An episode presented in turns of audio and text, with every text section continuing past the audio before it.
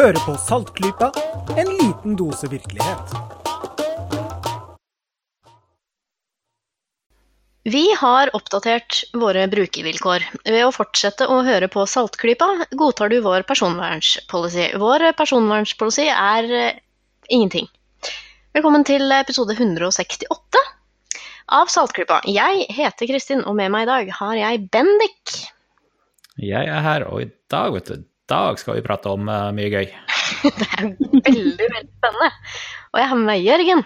Ja, jeg skal definitivt ikke bli dysset i søvn i i dag.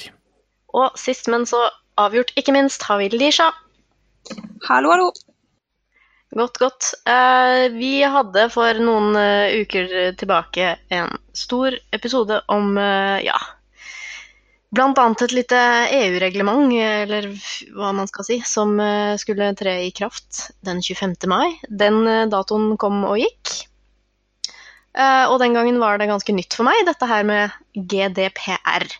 Nå, i aftermath, så er jeg nesten dritlei allerede av å høre på det. Og det tror jeg veldig mange i Norges befolkning er. Det er mang et mem, inkludert mitt innledende her, som jeg prøvde å illustrere.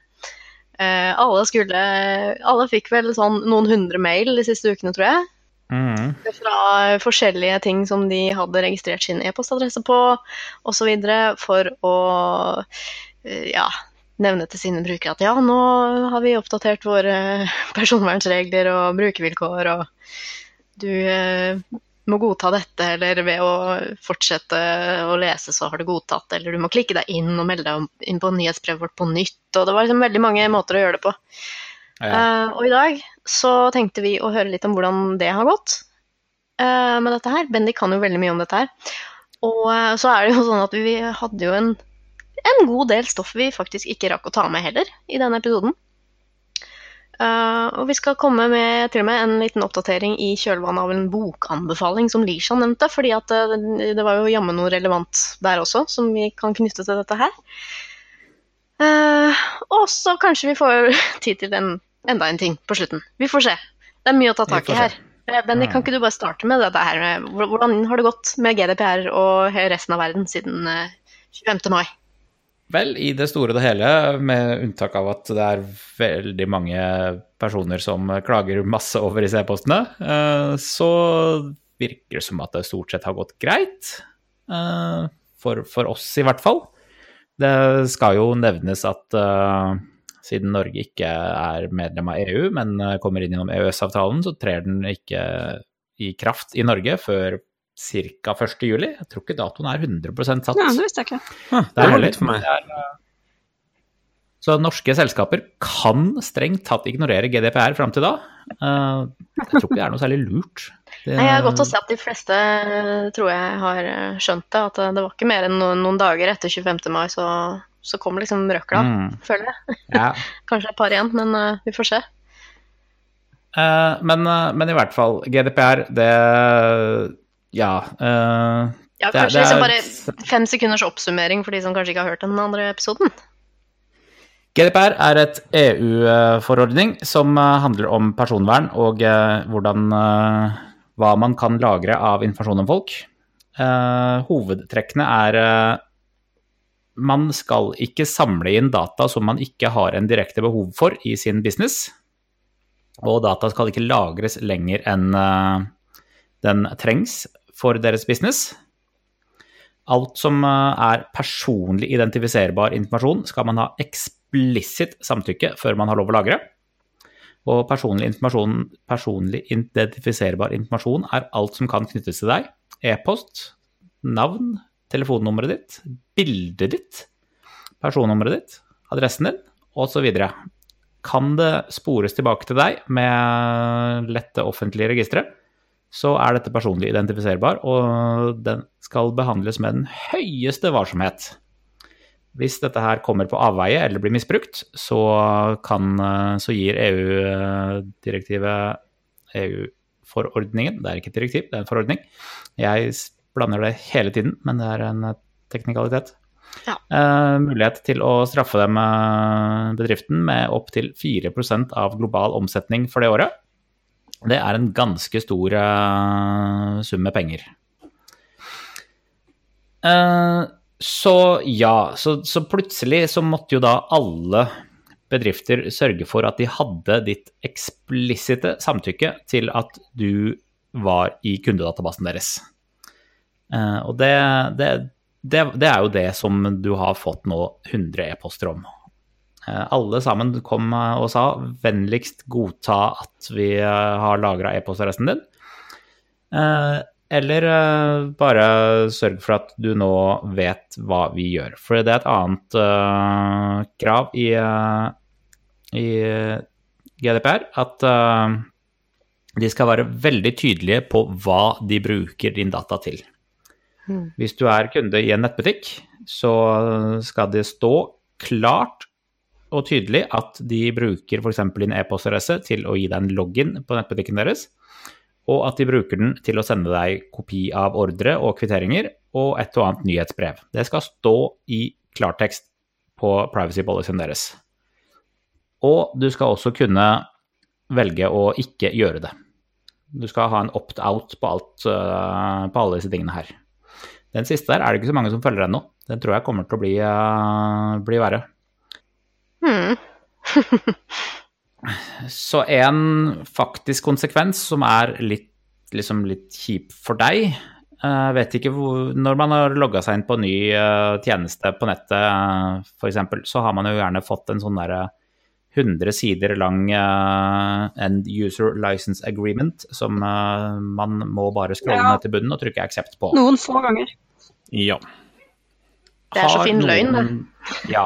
Har noen av dere noensinne lest den? Jeg har Jeg har gjort det på noen som jeg har vært litt um, usikker på. Nei, det er, det er et par ganger i løpet av mitt liv så har jeg kommet over brukervilkår som er ganske korte. Da har jeg klart Ja. å skumme gjennom det, men da er det bare skumming av oss. Ja, jeg har av og til skummet litt og tatt noen stikkprøver, det er det vanligste jeg gjør. Ja. Nå, nå mistenker jeg at dere er faktisk litt utenfor normalen her også, fordi eh, Det mistenker jeg stort sett, stort sett så blir jo ikke de lest, og de er jo flere hundre sider lange, så man sitter en uke med å faktisk lese dem Ja, hvis altså, man skal forstå dem. mis, misforstå meg rett, eh, jeg er lat på det, Mm. som regel. Så Jeg, jeg også. Jeg, Så det kan, det kan jeg gladelig innrømme at jeg som liksom skal drive med dette her, jeg sier screw det der, der altså det, det gidder ikke jeg bruke. Jeg har viktigere ting å drive med tiden min på. Ja, jeg har helt sikkert solgt min førstefødte på et eller annet tidspunkt uten å vite det. Ja, Det har så, jeg nok. så det er jo en, en faktisk ting.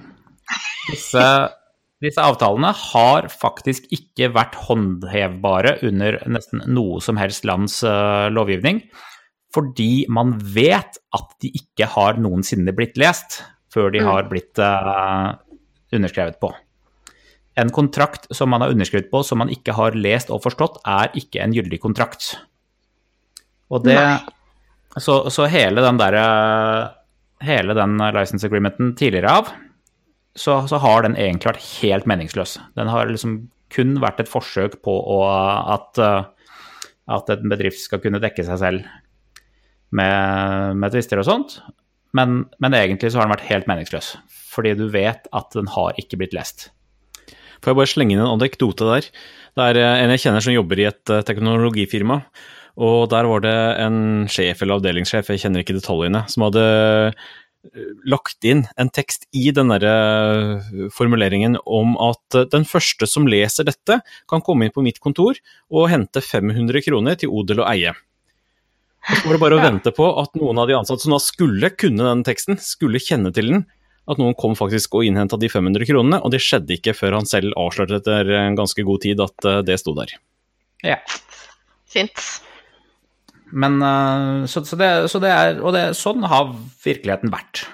Eh, Men da en stor forskjell nå med GDPR er at nå krever GDPR at disse lisensavtalene skal være skrevet forståelig. De skal være korte, de skal være konsise, de skal være skrevet på menneskelig språk. Og de skal ikke Ja, de skal, de skal være forståelige. Og det betyr faktisk at uh, dette er en, eh, lite, en liten ulempe med da for oss sluttbrukere og forbrukere. At fra og med nå, nå må vi faktisk lese om de er der. Fordi nå blir de så korte, og skal de i hvert fall bli så korte og eh, forståelige, at de blir uh, en lovlig kontrakt. Ja, jeg eh, jeg har, jeg jeg har jo også da klikka OK på veldig mange nå som har kommet på mail. Eh, kanskje ikke lest heller, så kanskje jeg skal sånn, gå gjennom mine viktigste kundeforhold og Her blir det jo et utspørsmål også, da, om eh, hvor går grensene her? Når folk Ja. eh, fortsatt ikke orker å lese de korte, er de korte nok? Konsise nok? Så det, det, det får jo bli opp til juristene å, å debattere og avgjøre, eh, eller eh, rettssystemet å, å komme med en kjenning på etter hvert. Mm. men, men i hvert fall konseptet nå er nå skal alle sånne lisensavtaler være forståelige og korte nok til at det ikke tar deg mange timer å lese om dem. Nå skal de, og så skal de være på plain språk. De skal beskrive kort og konsist og, effektivt hva de bruker dataen din til. ikke på legalese, som det Ikke på legalese, det skal være på engelsk eller på norsk. Altså, det er jo sikkert ingen jurister engang som har lest gjennom disse her heller, da. Ja, nei, på ingen måte. Selv jurister Altså, På et eller annet tidspunkt så var det noen som forfattet det, men eh, det var kanskje noen deler av det, og så var det andre bare kopiert ja. etterpå. Altså, Forbrukerombudet for noen måneder, eh, et år eller så siden, hadde en kampanje hvor de satt og leste opp eh, lisensavtalene til uh, Ja, ja. Facebook og Instagram og sånt. Og det tok liksom tolv timer å lese opp uh, lisensavtalen til Instagram. Det, det, er ikke, det er ikke mulig. Det er ikke, det er ikke sånn man kan gjøre det. Nei, altså de, de måtte jo ha mange, mange mange personer til å gjøre det. Ja. Altså. det går jo ikke an å være én person og lese det en gang. Ja, ja. Så, så, det, så det, det er nå forbrukerens jobb. Når du nå snubler over en, eh, en sånn policy som er relativt kort, så er det nå faktisk ditt ansvar at du leser gjennom den og forstår den. Og du kan ikke bare Du skal ikke bare Ja, det er bare whatever, det er bare legalist, de gjør hva de vil uansett. Det, sånn, sånn er det ikke lenger. Nå skal de beskrive hva de bruker dataen til, og nøyaktig hvordan, og hvor lenge, og til hvilke formål. Og så skal du aktivt godkjenne det. Og det gjelder også eh, altså land utenfor Europa som har business i Europa. Altså f.eks. På internett. Det stemmer. Hvis, Så lenge det er eh, europeiske brukere på en eller annen måte.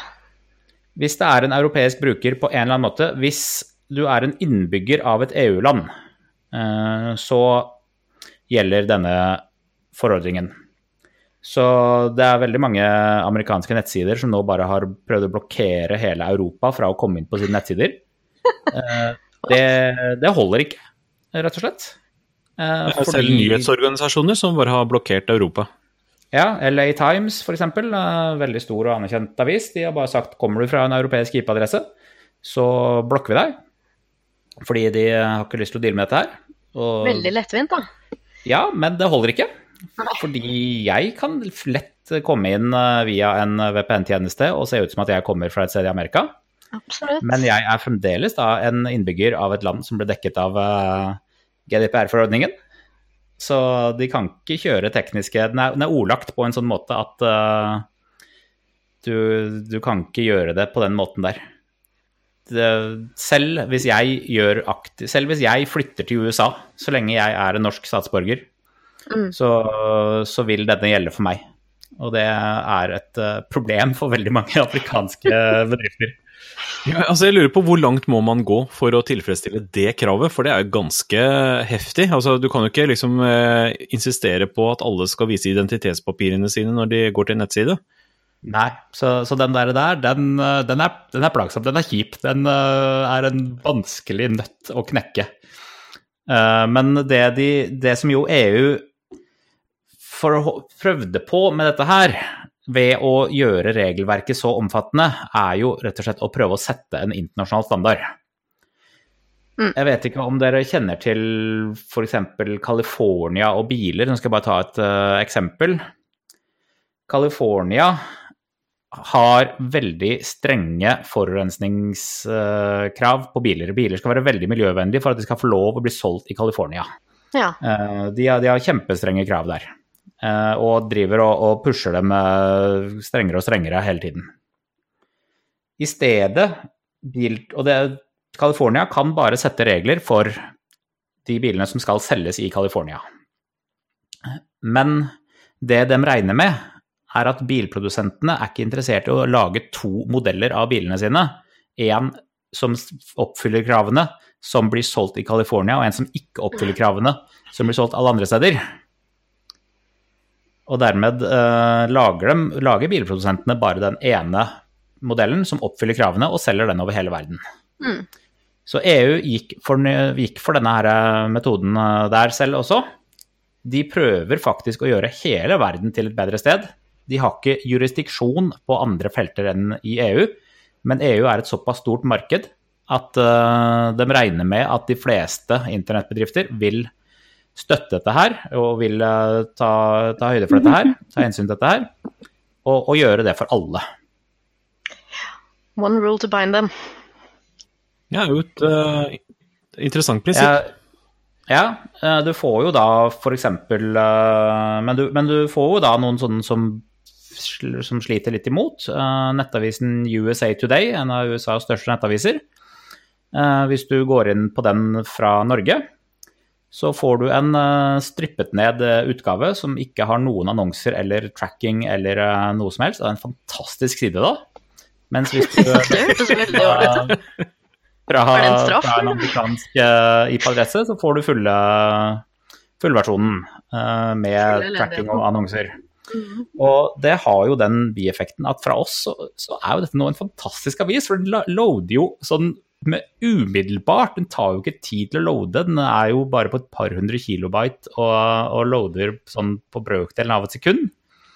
Mens hvis du eh, går inn via en amerikansk IP-adresse og, og får da liksom fullversjonen, så eh, kan den bruke 20 sekunder på å loade den.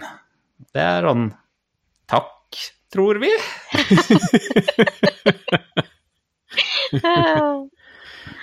Genialt.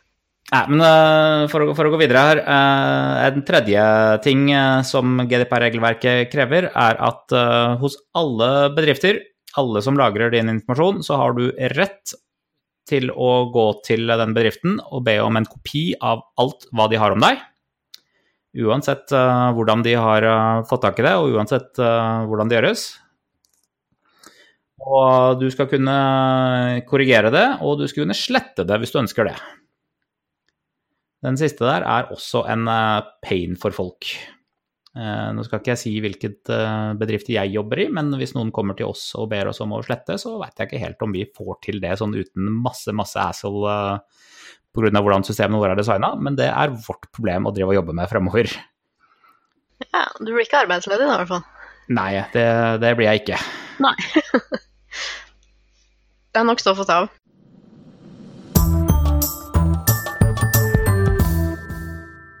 Men i den, um, i den episoden jeg, nevnte jo ikke at det var episode 164, for jeg var ikke helt 100% sikker, men nå er jeg det. I episode 164 så var det jo Facebook som var hovedtemaet vårt, og GDPR var på en måte en slags, en slags eh, sluttnote der. Um, Men eh, ja, Facebook og co. og Zuckerberg var jo også i lyset. Det, det var en, en av de tingene vi ikke fikk snakket om, var jo en viss eh, rettssak som var oppe der. Det var, det var også en sånn uh, arena for uh, grobunn for memer. Mm. Så hva var det han fikk eh, gå igjennom der? Var det liksom det, det hadde jo egentlig også Det hadde jo nettopp kommet opp, tror jeg, når vi skulle ta opp den episoden. Så vi kunne Ja, det, det var dagens nyheter Ja. da vi satt og tok opp, så vi rakk ikke helt, uh, rakk ikke helt diskutere Nei. det i, i den episoden.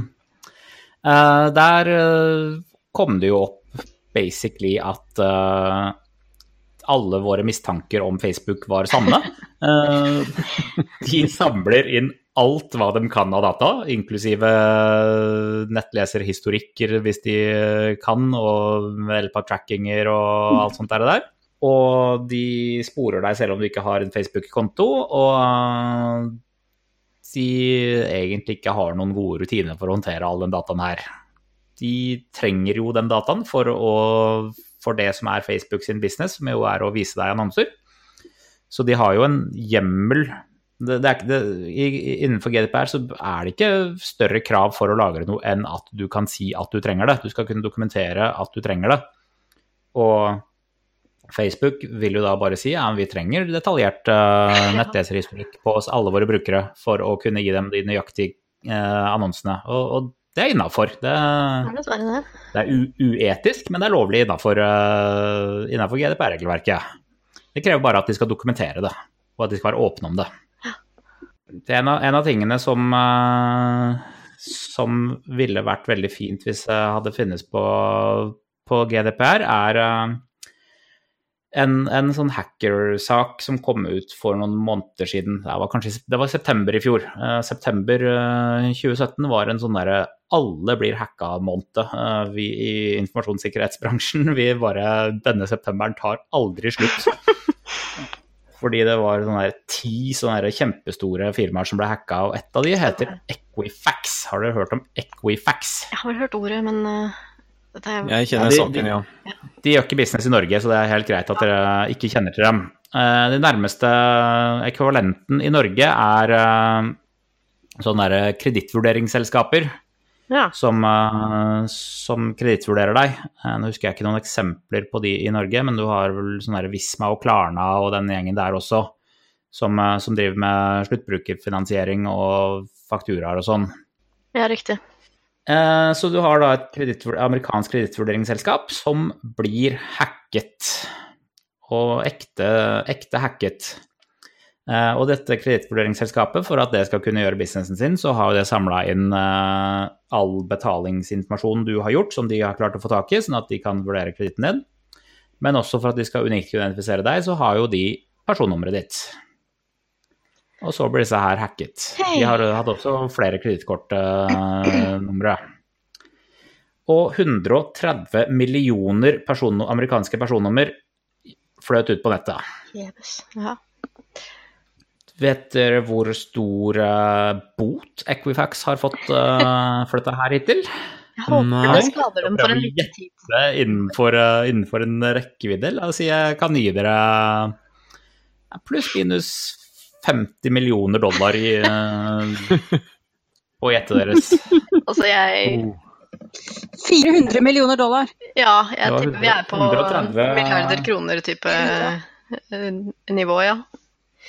Ja. Jeg tok dere feil. Ok. De, eh, de, de har fått en bot på 50 millioner dollar hittil. Det er Ok. eh, 17 cent per eh, person som eh, mistet personnummeret sitt. 17 Oi. cent per person. Ok. Det, altså, det vitner jo om at jeg syns de burde få det litt mer vondt, da. Men ok. Eh, og det er jo ingenting. Det, det tjener Equifax på tre dager. Det, det er ingenting uh... Nei, altså, det er jo folk som har uh, piratkopiert filmer, som får mer enn det der. mm. Du å liksom. Fordi der har vi jo liksom worst case-scenarioet her. Altså hvis min e-postadresse blir lekket ut på nettet, hvis mine passord blir lekket ut på nettet, så er det kjipt, men jeg vil klare å rydde opp i det. Det er kanskje en del arbeid, men, eh, men det går an å rydde opp i det. Jeg kan bytte eh, passord, jeg kan bytte e-postadresser, jeg kan opprette nye kontoer her og der. Liksom, til slutt går det bra. Kanskje mye arbeid. Hvis kredittkortet mitt blir lekket på internett, ditto. Kan sperre det. Ja, jeg kan sperre det. Jeg kan få refundert eh, fra banken pga. Uh, på grunn av svindel. Liksom, det, det, det, er, det er en kjip situasjon. Jeg kan få et nytt kort. Det er en kjip situasjon, don't get me wrong, Eh, men det, det, det er mulig å rydde opp i det. Mhm. Hvis personnummeret ditt blir lekket på nettet, Ja. kan du få et nytt et? Eh, nei. Det skal mye til. Nei. Så det betyr at for resten av livet så må disse personene som har fått sine personnummer lekket, konstant sjekke alle gjenpartsbrev, alle sånne der gratulerer, velkommen som kunde-brev, at ikke noen har bare tatt personnummeret deres og uh, stjålet identiteten deres og, og misbrukt den. Ja. Det er en, et stort problem, og det er sånne ting som GDPR helst vil uh, prøve å forhindre ved mm. å ha tenner når det kommer til bøter. Ja, jeg mistenker at de hadde fått et litt større, en litt større bot enn 50 millioner dollar Ja. eh, hvis dette hadde gjaldt, eh, eh, gjaldt dem.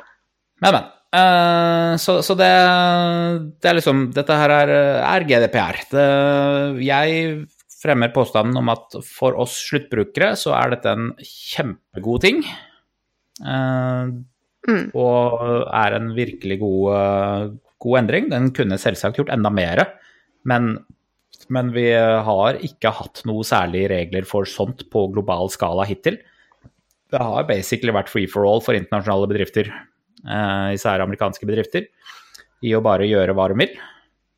Nå kan de ikke det lenger, hvis ikke de har lyst til å risikere å få en kjempestor bot av EU.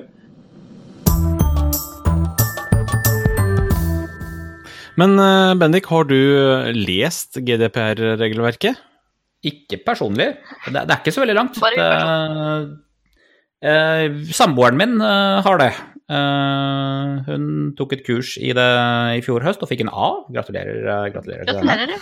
Eh, så, så jeg stoler litt på henne da, når, eh, når det kommer til å faktisk eh, ha detaljer. Det er fint å være to. Eh, Personlig skal jeg innrømme, jeg har ikke lest hele greia. Jeg har lest utdrag, jeg har lest de viktige avsnittene for meg og for, eh, for min, arb min stilling, mitt arbeid.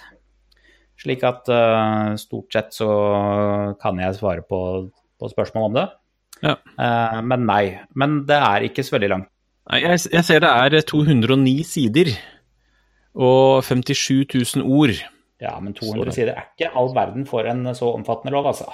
Nei, men det er kanskje litt søvndyssende å lese, eller?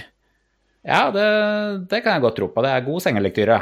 Ja, det er det faktisk. Fordi det er et selskap som lager sånne innsovningsting du kan ha på mobilen.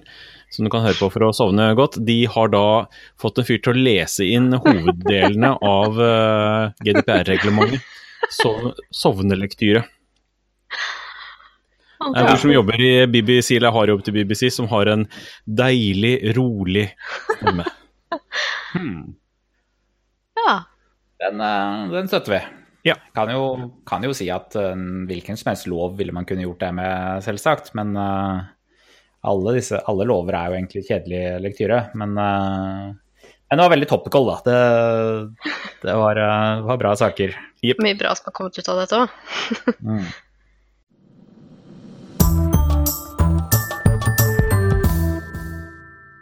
Men når eh, vi skulle planlegge denne episoden her, eh, Bendik, så lassa du jo på eh, Slack-kanalen vår med masse info. Og det var en, det var en sak som sto skrevet om en app som heter eh, Som jeg trodde var en sånn parodi, da, fordi på grunn av navnet. Um, The IT Crowd har jo en sånn Facebook-klone som heter Friendface. Nå skal vi snakke om Findface, som faktisk ikke er en parodi, det er en greie. Hva er det for noe? Findface er en eh, forferdelig dystopisk fremtid. Litt i tråd med Kinas eh, poengsystem for innbyggerne sine, Ja. som også er eh, trådt i kraft nå. Findface er et, et russisk system som blir rulla ut på russiske overvåkningskameraer nå i anledning eh, fotball-VM. Eh, så det kommer ikke til Norge riktig enda, men teknologi er teknologi. Det sprer seg fort.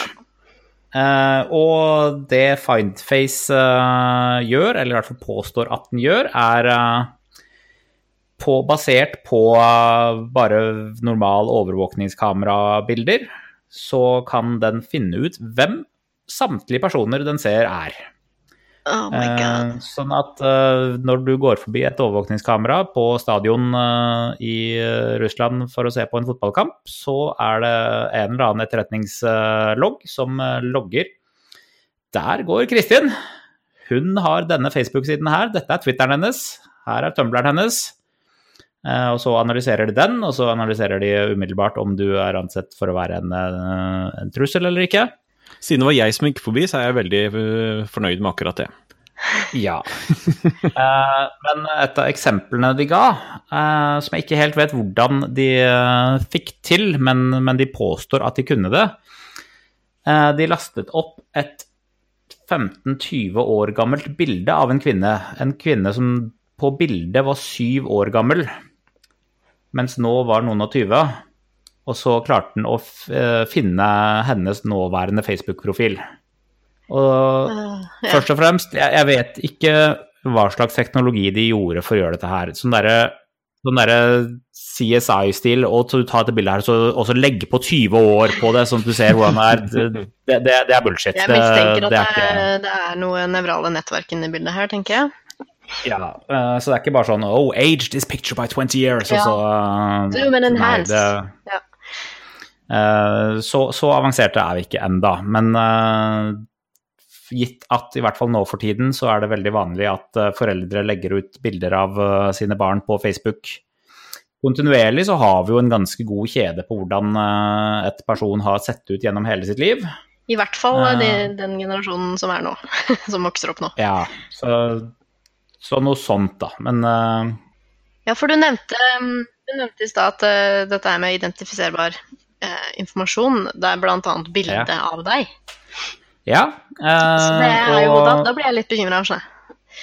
Facebook eh, har jo kunnet gjøre det i en stund. Eh, de rulla ut, og så rulla de tilbake igjen fordi det, folk var litt bekymra for eh, hvor personvern og hvor creepy dette her var. At hvis noen lastet opp et bilde av deg, så kunne Facebook bare tagge deg automatisk. Eller i hvert fall foreslå deg som en tag. Eh, ved, at, ved at Facebook hadde facial recognition god nok til at uh, den så at ja, dette her bildet her, ja, det er av Kristin, det. Så da foreslår jeg at Kristin blir tagga i dette bildet her. Vil du legge henne til som venn? Ja, Fy søren, altså. Så, så, så det er ikke, er ikke vanskelig teknologi eh, lenger, altså nå i 2018. Det, Nei, det kan gjøres ja. veldig raskt og effektivt. Og vi har eh, gode algoritmer som, som treffer med veldig høy, høy rate. Det er banalt å si, Så- men den generasjonen som vokser opp nå, de kommer til å vokse opp i et så fundamentalt annerledes samfunn med tanke på hvordan vi Ja. tenker på personvern. Ja. Altså, Mhm. jeg blir helt, jeg får bakoversveis av å tenke på det. Ja, så, så GDPR, da, bare for å vrenge, vrenge alt inn på den igjen, eh, tar høyde for dette her. I at eh, GDPR tar høyde for i sin lovgivning at teknologien skal utvikle seg. GDPR ble jo begynt og skrevet på sånn for ja, Den ble offentliggjort, kunngjort, uh, høsten 2016, og da hadde de sikkert jobba på den et par år allerede da. Mm. Uh, så liksom på den tiden så var egentlig ikke bildet en, uh, en identifiserbar ting, men den har plutselig blitt det nå. Og da må man plutselig ta høyde for det. Alle personer, eller nå alle bedrifter som lagrer bilder av mennesker, om det så er et profilbilde eller ikke, blir nå dekket av eh, GDPR-lovgivningen på at dette bildet det kan man bruke til å identifisere en person med. Og dermed er det personlig identifiserbar informasjon som eh, skal beskyttes med ditt liv. Hmm. Men det slo meg nå. eh, vet du om stemmer også er med i regelverket? For nå er det jo med disse her nye eh, hjemmehøyttalerne, automatiserte høyttalerne med Google Home og Mhm. Alexa og alt dette her, eh, så begynner jo det å bli ganske mye sensitivt materiale med stemmer ute også. Ja. Per i dag så finnes det ikke god teknologi til å identifisere en eh, person bare basert på stemmen, eh, men det vil nok komme etter hvert, det Mm. også. Vi har jo, altså, vi Eh. har jo sånne eh, sånn som Ok, man ser det jo stort sett på film, da, stemmeaktiverte låser og sånn, men eh, der sier man jo en eller annen frase som man har spilt inn på forhånd. Og så er det lettere å sammenligne den, på en måte. Der kjenner den igjen én spesifikk stemme. Ja. Eh, Den finner ikke ut Og dette her er stemmen til Bendik. Ja, som sier akkurat disse ordene. på global skala. Der er det bare denne stemmen matcher den stemmen jeg er programmert til å åpne opp for. Ja, riktig. Eh, men så klart, det kommer til å komme, det også. Eh, og det er eh, at på et eller annet tidspunkt så, så dukker det sikkert opp et kvasiglobalt stemmeregister hos en eller annen eh, selskap. Og vel, vil ikke undre meg om det fantes allerede, bare at vi har egentlig ikke hørt om det. Og at de med, en, med et stemmeopptak kan matche den. Altså, du har jo Shazam som kan på ti sekunder matche alle sanger noensinne utgitt på plate i hele verdens historie, så kan bruke nøyaktig samme for å matche en stemme. Ja, det er sant det. Og eh, det er sikkert noen, eh, noen litt sånn lugubre stater og sånn rundt i verden som eh, ikke bryr seg så innmari mye om hva de gjør med innbyggerne sine, annet enn at de vil vite mest mulig om dem. De har godt av at de har masse flinke forskere som har utvikla noe skikkelig skikkelig greier allerede. Jeg har bare ikke hørt om det ennå. Vi har bare ikke hørt om det ennå. Fantastisk. Vi gleder oss til eh, alt går rett til hest. Så, så ja, så, så med all denne dystopiske fremtidsteknologien, så, så innså de at uh, noe må gjøres, og, og, GDPR er da første forsøk på å regulere egentlig hele teknologibransjen mm. under ett. Spennende. Det blir spennende å se om det funker. Ah, fantastisk. Mm. Uh, i, uh, ja, det var, uh, det var liksom Det var liksom den delen av det. Og vi, og vi, snakket også litt om en helt annen ting i Det var vel ikke i samme episoden, jeg tror det var episoden etter, så hadde Lisha, du hadde en anbefaling på ja. tampen av episoden med en bok. Og det var i forbindelse med en, en ja, en eh, skikkelig fæl fyr som endelig var blitt tatt. Og der har vi også funnet ja, noe relevant til eh, tatt, Da snakker vi altså om. Noe som man trodde var tre personer, som viste seg å være én. The Vesalia Ransacker, The East Area Rapist, The Original Night Stalker. Uh, som ble omdøpt av uh, true crime-forfatteren Michelle McNamara til The, The Golden State Killer. For pga. DNA så viste han seg å være en og samme person. Uh, han begikk en utrolig serie forbrytelser. Uh, Borti 50 voldtekter, 12 drap, utrolig mange innbrudd. Uh, og dette på slutten av 70-, begynnelsen av 80-tallet, hvor man ikke visste om DNA. Så derfor så har han jo lagt igjen en masse spor. Um, og etter hvert, og det var omtrentlig når DNA begynte å bli tatt i bruk, så sluttet han. Så vidt noen vet. Uh, og det trodde man var fordi han begynte å skjønne at fortsetter jeg nå, så blir jeg tatt. Um, så han har ikke begått noen forbrytelser noen vet om på veldig veldig mange år. Men politiet har aldri gitt opp. Dette er en sånn sak som folk har blitt helt besatt av og brukt hele karrieren sin. Ja, det er ganske forståelig. Um, ja, det er jo flere bøker og ja. ja flere filmer allerede i planen, sikkert. sak, egentlig. Og han ble da tatt nå tidligere i vår. Og måten de tok ham på, det var det at de benyttet seg av en nettside som er for sånn slektsforskning og sånt, hvor du kan laste opp DNA-profilen din og finne om det er noen der ute som matcher deg. Du kan jo finne sant, søskenbarn og sånn som du ikke visste at du hadde. Og Den heter GED Match, og den har ikke så strengt personvern som um, uh, ja, de litt mer store sånne sitene har. da. Uh, den, er, den, lar, den, gir politiet innsyn. Um, så politiet de hadde klart å få en fullstendig DNA-profil på ham fra et uh, rape kit som lå igjen fra ja, et eller annet sted i Sacramento, tror jeg. Det var i hvert fall Sacramento-politiet, politiet, Sacramento-sheriffen, som gjorde dette her. De lastet opp den profilen på GEG Match. Og da fant de et drøyt dusin personer som på, som hadde dukket opp den siden, som hadde samme tipp-tipp-oldeforelder. Og Da tegnet de opp et slektstre, og på det slektstreet, så ut av det så fikk de to mistenkte. Ja. Så klarte de å tuske til seg DNA på disse to mistenkte. Og den ene han ble da utelukket um, på basis av den prøven. Og den andre, det var Joseph James D'Angelo, The Golden State Killer. Uh, og det som var interessant med dette, det er ja, det er ganske utrolig. Men man har jo trodd nå ganske lenge Det er ganske, ja, det er ganske vill eh, mysterieløsning, det der. Altså. Det er på denne måten det kommer til å gjøres. Altså, det er ved DNA at man finner en mistenkt, sporer seg, finner noen slektninger. For noen veit noe, ikke sant. Noen har skjønt at dette her er min bror, far, sønn, venn, fetter, onkel, whatever. Eh, men det som var litt morsomt, eller hva man skal kalle det, var måten de fikk tak i DNA-en hans på. De spanet på han. Uh, heldigvis uten at han merket det. De var jo ekstremt redde for at han skulle oppdage at han var avslørt, uh, og da ta livet av seg eller et eller annet. Så De spante på han veldig forsiktig, og så parkerte han på et tidspunkt bilen sin på en offentlig parkeringsplass. Jeg tror han skulle på Hobby Lobby, det var i hvert fall en sånn helt vanlig butikk. Og når de da var sikre på at han var der inne og ikke kunne se bilen, så, og de hadde observert at han tok i dørhåndtaket for å lukke bildøra, så tok, fikk de DNA-et fra håndtaket på bildøra. Den sto parkert på offentlig sted, og det var ut, på utsiden av bilen. Og derfor hadde de lov til å ta det. Så ja. Eh, så I våre dager så trenger man ikke mye. For det DNA de hadde på han fra før, det var jo snakk om sæd, ikke sant, og virkelig ekstremt uh, åpenbare ting. Men i dag trenger man altså så lite at du kan få det fra at du bare tar i dørhåndtaket på bilen din. Um, så han har ikke gitt dem noen DNA-prøve. Uh, eller han gjorde i hvert fall ikke det før han ble arrestert. Da. De har vel sikkert fått uh, både det ene og det andre nå ut av han. Uh, men det var altså sånn de klarte å ta han.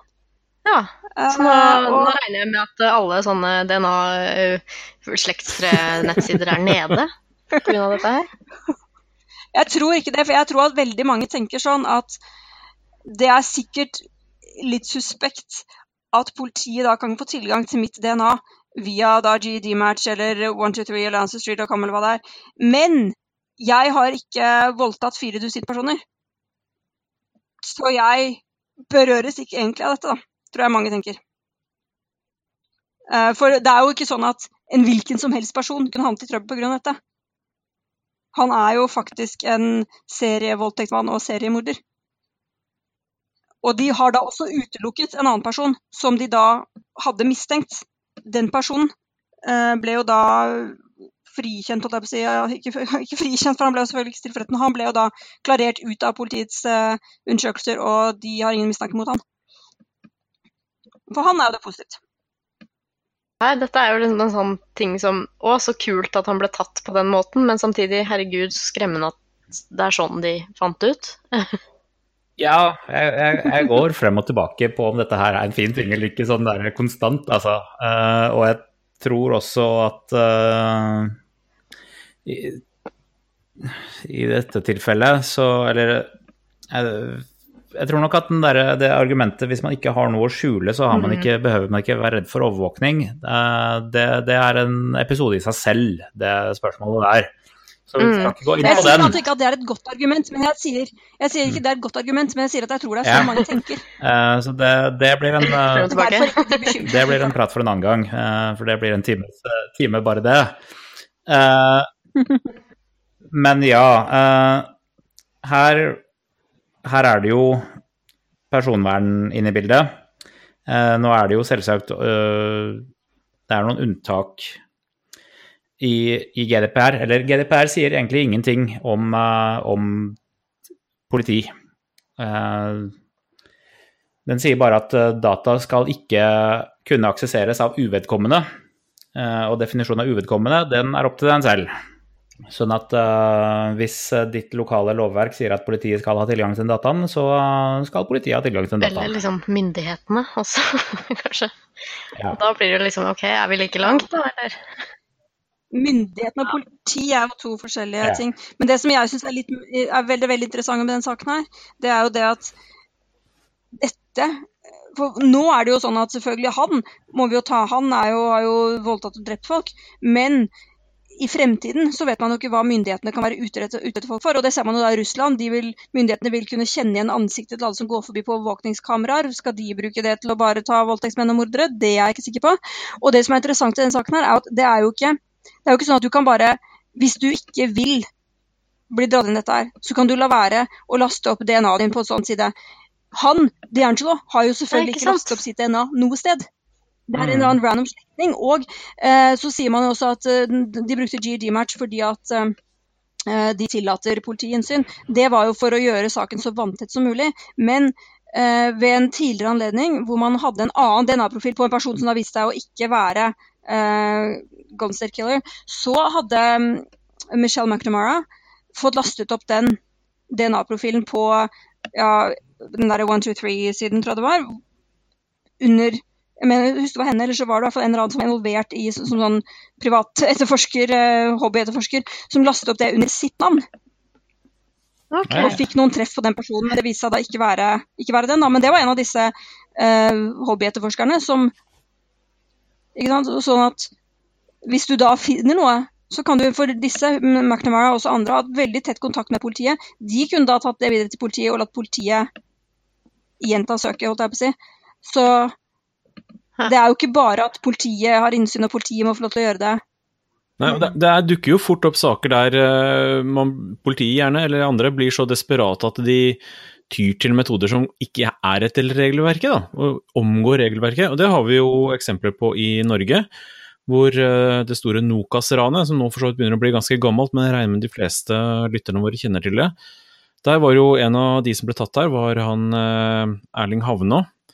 Eh, Han ble tatt på en DNA-prøve som ikke var framkommet reglementert.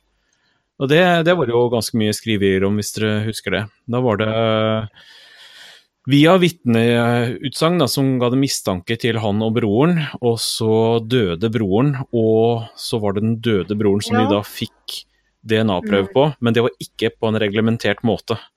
Og det, det er sånn Ja, men de fikk jo ta til rette person av det i en av Norges største kriminalsaker. Uh, men de fikk folk til å gjøre ting de, som var imot det Så strengt tatt så burde liksom ikke Altså, det burde ikke være en gyldig, en gyldig kjennelse, da, eller en gyldig eh, dom, på en måte, på grunn, på grunn av det. Når når de først fikk tatt ham, så, så ble det jo Så fikk de nøste opp i masse, sånn at da fikk de jo tatt ham på andre ting. Men de, for å få etterforskninga framover, så tyder de altså til eh, den saken som ikke var helt etter reglementet. Ja, det, det der blir jo en, litt sånn hva skal man si, avveining for politiet. da. Eh, For i den saken så hadde de sikkert mye annet som kunne ha knyttet han til det. De hadde jo da vitneutsagn, som du sa. Mens i State Killer-saken så er det DNA som er nøkkelen. Så de hadde ikke kunnet uh, ta det på en måte som ikke hadde holdt i retten. da. Fordi da risikerer de at uh, forlovene i California er ganske strenge på det at det ikke vil bli tillatt uh, som bevis. Mm. Og da Mm. står de der. Så det er jo litt farlig også, hvis man måtte bli for ivrig, skaffer seg ting på en måte som ikke ja, ikke etter reglene, som dere sa, som gjør at det ikke kan fremlegges eh, i retten. Så har du kanskje kødda til hele saken, og folk slipper unna. Ja. Så, så for å dra denne litt tilbake, under, eh, under GDPR-reglementet så kunne da f.eks. Uh, denne DNA-registeret ikke hatt data på folk som ikke var, eh, hadde eksplisitt gitt sin eh, aksept. Ja, At den bare matchet med personer som var der allerede, på en måte. Eller altså sånn Eller ja, som hadde aktivt Jeg vet ikke åssen det blir, for hvis man da laster opp DNA da, til en mistenkt, og så sier at ja Hvis politiet gjør det, og så sier at Da skal, da skal, det, da skal det først og fremst stå i, eh, i privacy policyen deres at uh, det du laster opp, vil bli matchet mot andre. Det skal stå eksplisitt at, uh, at det brukes til det. Og så blir det kanskje ikke lov for andre å laste opp på noen som ikke er dem selv. Det går nesten ikke an å bevise. Nei, det er riktig. Den er veldig vanskelig å håndheve, det er helt Ja. riktig. Det er til blitt umulig å håndheve, men i, i hvert fall i prinsippet så er det ikke tillatt uh, for meg å, å Faktisk eh, under GDPR så ville ikke jeg eh, hatt lov til å sende deg en eh, invite til en tjeneste uten ditt uten ditt samtykke. Mm.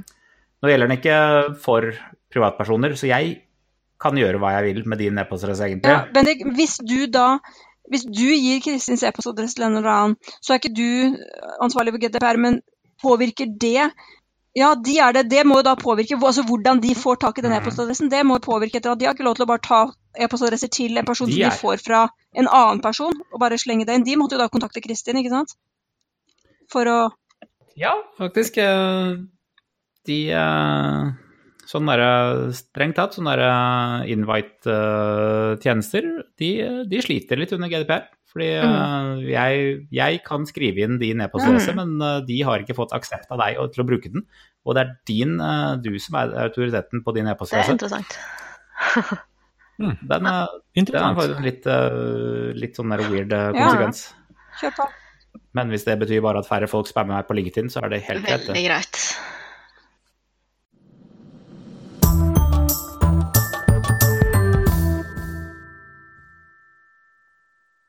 Men får jeg lov til å gjøre dere litt uh, mer paranoide? Mm. Ja! Ja, nei, altså, eh, når vi snakker om dette med personinformasjon og sånn, da, identifiserende informasjon, så har det seg sånn at vi i Norge har et, eh, noe som heter uh, nyfødtscreeningen, hvor man tar blodprøver av nyfødte barn. Og, og lagrer dem for en viss tid for eh, forskning. For å finne sjeldne sykdommer og, og forske på dette her da på litt sånn befolkningsnivå. Det. Men det er også lagret sammen med identifiserende informasjon for å kunne informere det barnet eller foreldrene da, om ting som er funnet, i tilfelle det er noe de kan og bør forholde seg til. Mm. Ja, Så der har du også koblet blodprøve til identifiserende informasjon. Ja, og blodprøve, det er Og- lik DNA. Det er det også. det er likt det, da. Men eh, det kan vel ikke Eh. lagres så veldig lenge, kan det det? Nei, inntil ganske nylig så var regelen eh, seks år. Men så har altså Det som er med den seksårsregelen, er at eh, det er litt begrensa hva man kan gjøre med den informasjonen. Når de seks årene er gått, så er altså informasjonen strøket, prøvene er destruert. Og man kan ikke gå tilbake i tid hvis man ser at å, her er det et eller annet spennende og viktig som vi burde gå tilbake og, og sjekke nærmere. Eh, Så derfor så har det blitt fremmet eh, et eh, forslag om å utvide til varig lagring av disse blodprøvene. Ja. Og tidligere i våres så gikk dette gjennom Stortinget. Så per i dag så er altså, eller jeg vet ikke om den trådte i kraft med virkning ennå, men det er i hvert fall vedtatt at nå i umiddelbar nærhet så skal disse prøvene vare, lagres varig. Og det vil si på ubestemt tid, eller? Det vil si på ubestemt tid. Det er selvfølgelig strenge regler om hva disse prøvene kan brukes til.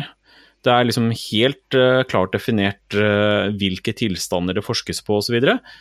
Men på den annen side så har man allerede utvidet mengden sykdommer med to siden eh, dette ble innført i utgangspunktet. Så dette er jo åpent for forandring stadig vekk. Så når noen vedtar hva man skal sjekke, og hvem som skal ha tilgang til det osv., det, det vet man jo ikke. Dette er en sånn sak igjen da, som jeg blir så frustrert over å tenke på. Fordi at eh, i utgangspunktet så tenker jeg å, så fantastisk, man kan forske på sjeldne sykdommer og, og kanskje i fremtiden kunne behandle dem eller kurere dem til og med. Og så kommer dette her med ja, men du får jo ikke så mye mer identifiserbar informasjon enn liksom blodet ditt. Spesielt at det er fra før koblet med annen informasjon, da. Eh, Ikke minst, liksom. Ja. Uh, Ja. Hvis, uh, hvis DNA-analyser ikke hadde funnet, fantes, så ville ikke en blodprøve vært personlig identifiserbar informasjon, og du kunne distribuert den som mye du ville rundt omkring, og forska Mhm. på den og gjort hva du ville med den. Uh, Men så lenge blodprøven er kobla på et, eh, at det følger med et ark hvor det står navnet på vedkommende, og at det er mulig å ekstrahere DNA-profilen ut ifra den, så blir dette plutselig personlig identifiserbar eh, informasjon. Mhm. Da kommer det strenge regler. Ja. Det er eh, en artikkel i eh, tidsskriftet for Den norske legeforening som jeg har lest, hvor det er en som heter Are Brean, som er svært kritisk til hvordan dette, den nye regelen er behandla. Og han viser bl.a. til et sitat av helseminister Bent Høie, hvor eh, han skal ha sagt at dette er ikke en genbank over Norges befolkning, det er en blodflekk på et papir hvor bruken av prøvene er strengt regulert. Eh, Ja, det var jo et merkelig setning. Fordi Fordi det han sa nå, er at dette er jo ikke A, det er A. Var det ikke det? Ja, nemlig. Og, og jeg må innrømme at jeg, eh, etter å ha lest denne kronikken, eller hva vi skal kalle det, fra Are Brean, så må jeg innrømme at jeg ble ganske nervøs for dette her, altså. Mm. Det som er mulig, er jo da for de, som, eh, de foreldrene som har barn som er registrert i eh, nyfødtscreeningen, å, å trekke seg fra den. Ja. Og i anledning at det skal bli varig lagring, så skal visst alle som er registrert, få beskjed om den muligheten. Mm. Så får det være opp til den enkelte om de eh, ønsker å få sitt barn strøket. Ja, og selvfølgelig da når barnet er stort nok, så kan det også str- stryke seg selv. Regner jeg med. Ja, det kan de. Ja, hva skal vi si til dette her, da? Igjen. Jeg Det er i hvert fall noe som man bør eh, ha i bakhodet, at visse grupper for å si det sånn, bør absolutt ikke få tilgang til det der. Men jeg vil ekstremt gjerne ha tilgang til det, og da tenker jeg selvfølgelig på forsikringsselskapene. Som Åh. er Ja. veldig interessert i folks Oi, oi, DNA, oi. så de kan vite hvilke sykdommer du har muligheten til å utvikle i fremtiden, og kan da enten nekte deg forsikring Ja. eller sette opp utene på forsikringen din. Det der, er jo, det der er jo allerede et problem med sosiale medier, at forsikringsselskapene saumfarer nettet etter informasjon om deg eh, hvis du søker om eh, uføreforsikring, helseforsikring, sånne ting. Bare det at liksom Hvis du er overvektig eh, eller verre, så plutselig får du Nei. Du har ikke sagt til dem at du er overvektig, men de har funnet ut. Ja, jeg har sett bildene av deg på For det ligger der ute. Mm. Så dette er jo Altså, jeg sier jo ikke at forsikringsselskapene får tak i det nå, men uh, igjen, våre barn vokser opp til en spennende tid. Så vi vet Mm. aldri hvordan samfunnet kommer til å se ut da. Det Bare å Det har gått ganske fort. Mhm. Ja, skal vi si at verden går til helsike, da? Ja, det er godt sånn. Ja, det er bare å grave seg en bunkers og brenne alle identitetspapirer og Sette på seg tinnfoliehatten først som sist, tenker jeg. Mm. Har du noen Og husk, når du skal lukke bildøra di, så ta på hansker. All right. Bendik, har du noen avsluttende tanker om eh, alt dette her, eller? Før vi avslutter? Jeg håper det går bra. ja. Korteste kommentar ever. Og veldig konsis. Jeg tror, vi, eh, jeg, jeg tror vi tar en pause der, bare for å liksom trekke pusten og samle tankene. Ja. Dette er, det er heavy saker, eh, men det er sånn vi liker å snakke om. Så eh, da tror jeg vi runder av for i kveld. Eh, hvis det ikke er noen andre som har noe å si, så får vi vel egentlig bare ønske god sommer så lenge. Det er jo den tida nå. Det er det absolutt. Og så snakkes vi om ja, et par ukers tid. ja. Ja, og husk å brenne denne lydfila etter at du har hørt på den. Ha det! Ha det så bra. Ha det bra.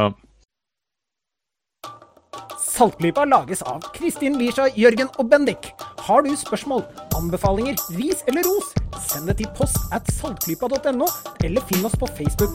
Lenker til alt vi har snakket om i episoden finner du på saltklypa.no, hvor du også kan abonnere på podkasten for å få hver episode levert på døra helt gratis. Takk til Smart 9000 fra Evig poesi som har laget kjenningsmelodien.